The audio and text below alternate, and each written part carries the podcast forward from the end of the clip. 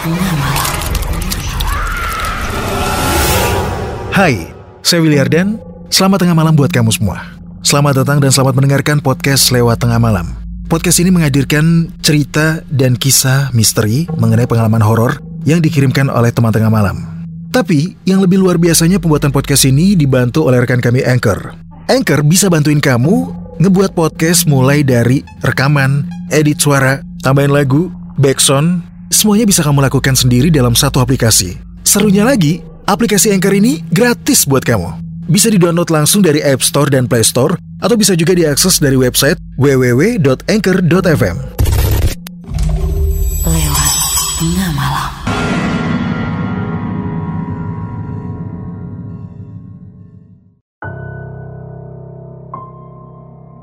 Selamat tengah malam, kamu lagi mendengarkan podcast lewat tengah malam bersama saya Willy Ardan. Kisah di episode kali ini dialami Yuli saat dia bersekolah di sekolah tua yang memiliki kolam ikan. Sebuah asrama sekolah yang ternyata menyimpan cerita seram dari masa lalu. Hingga suatu malam, dia harus berhadapan langsung dengan sosok penunggu asrama. Ada rahasia apa sebenarnya di asrama tua itu? Simak kisahnya hanya di episode 103 Kolam Asrama.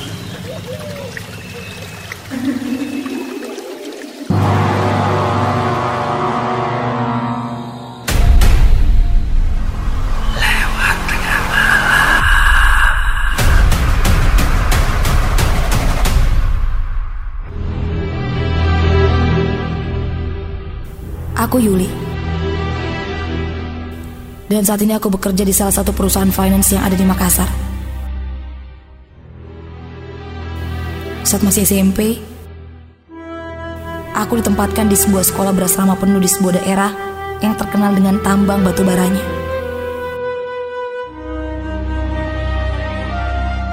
Aku memang tahu, sekolah itu adalah sekolah lama. Dari depan, struktur bangunannya saja sudah sangat terkenal dengan VOC. Catnya mulai hitam terkelupas. Tiang-tiang koridornya terbuat dari kayu jati, lengkap dengan ukiran-ukiran khas Melayu. Gedung asrama kami dipisahkan oleh kolam ikan yang airnya sangat jernih. Ikan-ikan emas terlihat dengan mudahnya. Pak Marten, penjaga sekolah kami, memang dikenal sangat rajin membersihkannya. Itu karena memang beliau suka memelihara ikan. Kata Pak Marten, saudaranya yang sudah tiada sering bermain di tempat ini waktu mereka kecil dulu. Mereka selalu menghabiskan waktu berdua waktu kecil.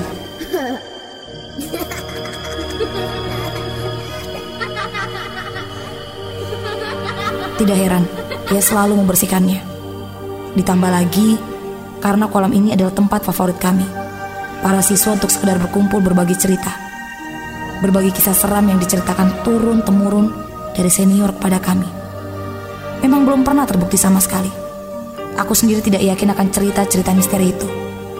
Entahlah, apa salah satu seniorku memang sudah pernah mengalaminya, atau cerita itu cuma gurauan asrama saja. Cerita tentang perempuan penunggu asrama.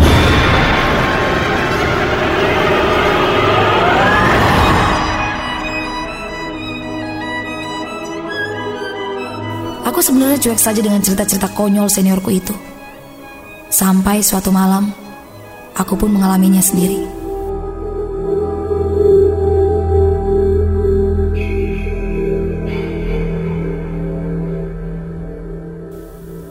Seingatku, sudah jam 2 pagi waktu itu. Rini, Beatrix, dan Maria terlihat tertidur pulas di tempat tidur mereka masing-masing. Di asrama, kami tidur berempat. Aku, Rini, Beatrix, dan Maria. Kami mendapatkan kamar di lantai satu, tepat di samping perpustakaan.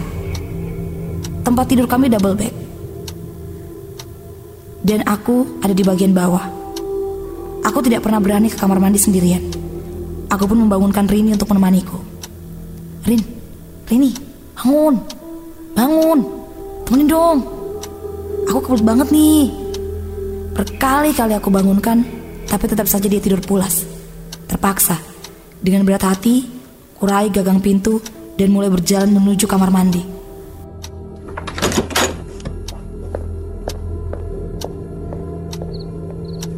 Agak jauh memang jarak dari kamarku ke kamar mandi belakang. Karena kamar mandi yang paling dekat yang ada di depan kolam renang sedang direnovasi. Dan aku pun harus ke kamar mandi yang letaknya paling belakang. Gelap. Gelap sekali. Aku mulai merinding. Lampu kecil seukuran jempol orang dewasa di tiap-tiap pintu asrama tidak cukup untuk memberi penerangan asrama ini. Karena lampu hias itu hanya berfungsi sebagai penanda kalau kamar itu ada penghuninya.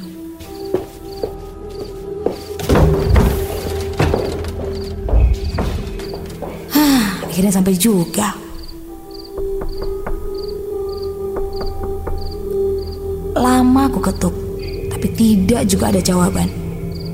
Ku coba membukanya, tapi hah terkunci. Siapa sih yang di dalam? Ayo buruan dong.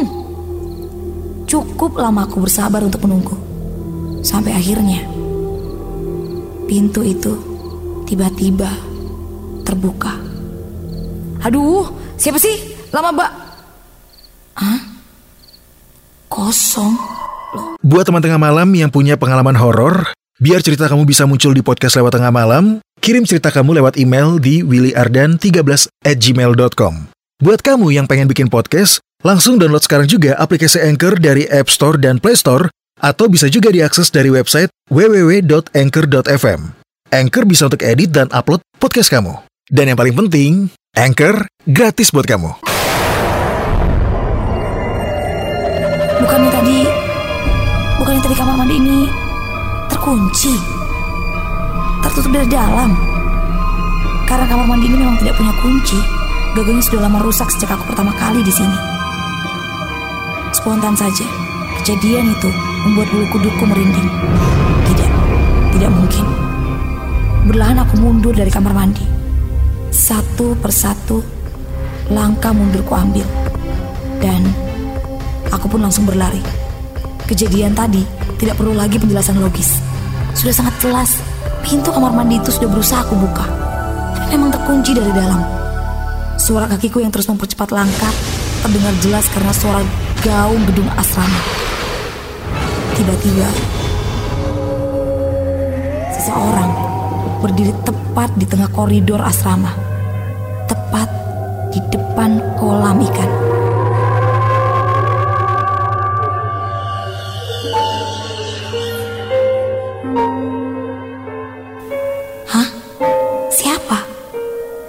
Jelas karena penerangan yang tidak cukup bagiku untuk mengetahui siapa dia. Tapi yang jelas, pakaiannya sangat kuno. Putih dengan renda-renda dan dan dan dia menenteng boneka. Hah? Boneka? Si si siapa? Pertanyaanku tidak dijawab. Maria ya? Kamu ya Maria? Dia membisu. Aku terdiam. Sosok itu perlahan berjalan ke arahku. Sangat pelan. Kenapa? Kenapa tubuhku tidak bisa bergerak? Oh Tuhan, aku aku kenapa? Si, siapa dia? Sosok itu, sosok itu semakin dekat ke arahku. Kakiku, kakiku tidak bisa digerakkan. Dan sosok itu semakin dekat, dekat sekali. Ah, ah, aku aku tidak bisa bergerak. Pejamkan mataku kuat-kuat. Aku tidak mau melihatnya. Tidak! dengan sepatu pantofel anak sekolahan membuat langkah kakinya terdengar sangat jelas. Dia dia semakin dekat dan aku aku semakin tidak bisa bergerak sampai akhirnya suara langkah itu terhenti. Suasana jadi hening. Hah? Di, di, dia dia ke mana?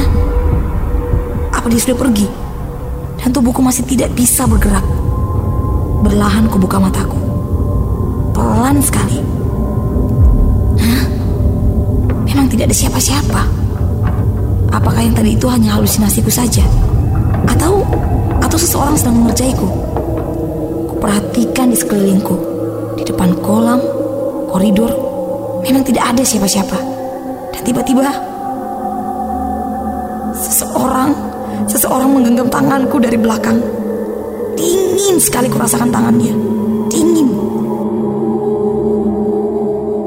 Dan genggamannya, genggamannya sangat erat.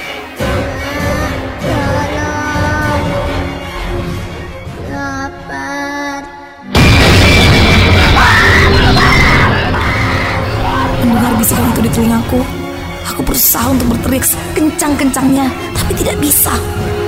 Aku lemas. Tuhan, kenapa suaraku tidak bisa keluar? Aku pasrah.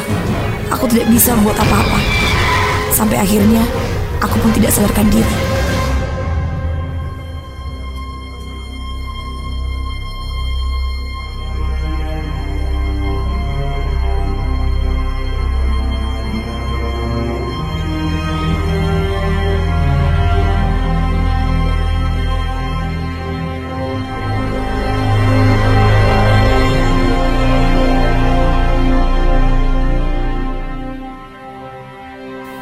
Saat terbangun, aku sudah mendapati diriku di kasur, di dalam kamar. Ada Beatrice dan Rini kulihat. Mereka bercerita kalau aku ditemukan tidak sadarkan diri di sisi kolam. Hah? Di sisi kolam? Yang tersisa dari ingatanku hanya soal sosok semalam yang kusaksikan. Tapi kejadiannya bukan di kolam. Tapi kenapa aku ditemukan di kolam? Kulihat Pak Martin terdiam, tersenyum kecil penuh prihatin, sambil mendekatiku dan berbisik. Maafin bapak nak Maafin bapak Kalau kamu sudah diganggu sama dia Dia? Dia siapa? Dia siapa Pak Martin?